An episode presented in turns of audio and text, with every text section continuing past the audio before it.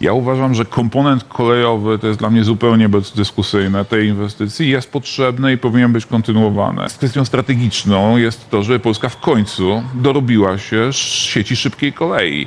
Jestem otwarty na rozmowę o części lotniczej, natomiast większość kosztów e, tego projektu to jest komponent kolejowy i tej części, jeżeli chodzi o kolej, na pewno nie powinniśmy opóźniać. Nie stać nas na to, żeby odstawać w kolejne dziesięciolecia od innych krajów, które podobne inwestycje już mają za sobą albo właśnie je realizują. Chciałbym, żebyśmy w sprawie tych dużych inwestycji infrastrukturalnych w Polsce wypracowali taki konsensus, który wyjmuje je poza doraźną partyjną bitkę, bo jeżeli tego nie zrobimy, to na przykład szybkich kolei nigdy mieć nie będziemy, bo jeśli każdy rząd będzie wyrzucać tutaj do kosza to, co było robione wcześniej, no to po prostu, biorąc pod uwagę to, jak długo się szybkie koleje buduje, nigdy tych szybkich kolei w Polsce nie zobaczymy, a ja chciałbym je zobaczyć. E, musimy zabezpieczyć w Polsce bezpieczeństwo energetyczne w kolejnych dekadach.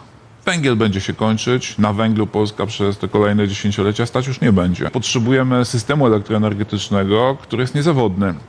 On potrzebuje bazy. I tą bazą w polskich warunkach przy odchodzeniu od węgla może być tylko i wyłącznie elektrownia jądrowa. I to nie jedna. My potrzebujemy w Polsce nie jednej instalacji, ale także kolejnych instalacji dużego atomu, które trzeba uruchomić na tyle szybko, żeby były w stanie zastąpić tę rolę, w której dzisiaj występuje węgiel. Żeśmy nie znaleźli się w sytuacji, że za parę lat w Polsce zacznie prądu brakować, albo ten prąd będzie diablo drogi, ponieważ trzeba go będzie importować.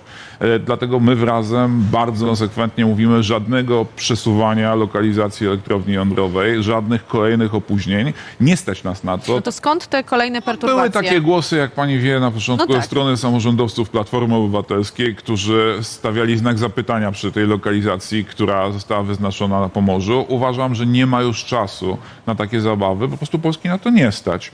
E, A sprawa inwestycji w duży atom, podkreślam w duży atom, czyli w te tradycyjne duże elektrownie jądrowe, które są sprawdzoną, stabilną technologią, która istnieje, a nie technologią teoretyczną, tak jak małe rea- reaktory modułowe, które na razie są na etapie startupów, które próbują je dopiero wdrożyć do praktycznego e, wykorzystania, no to jest właśnie kwestia strategiczna. E, Tobiasz Bocheński, to będzie kandydat Prawa i Sprawiedliwości na prezydenta Pan Warszawy. Tobiasz Buchański powinien powiedzieć publicznie, jakie związki łączyły go z Ordo Juris, skrajnie konserwatywną, skrajnie tradycjonalistyczną organizacją, e, która lobbowała na rzecz barbarzyńskiego zaostrzenia ustawy antyaborcyjnej. No i myślę, że dobrze, że powiedział mieszkańcom Warszawy, Tobiasz Bocheński był osobą, są... która do Łodzi wpuściła e, ciężarówki antyaborcyjne. No, mieszkańcom Warszawy należy się odpowiedź e, na pytanie, jakie poglądy tak naprawdę ma pan Tobiasz Bucheński w sprawach praw kobiet, w sprawach praw mniejszości, w sprawach wolności światopoglądowej, świeckości państwa, bo pan Tobiasz Bucheński unikał odpowiedzi na te pytania,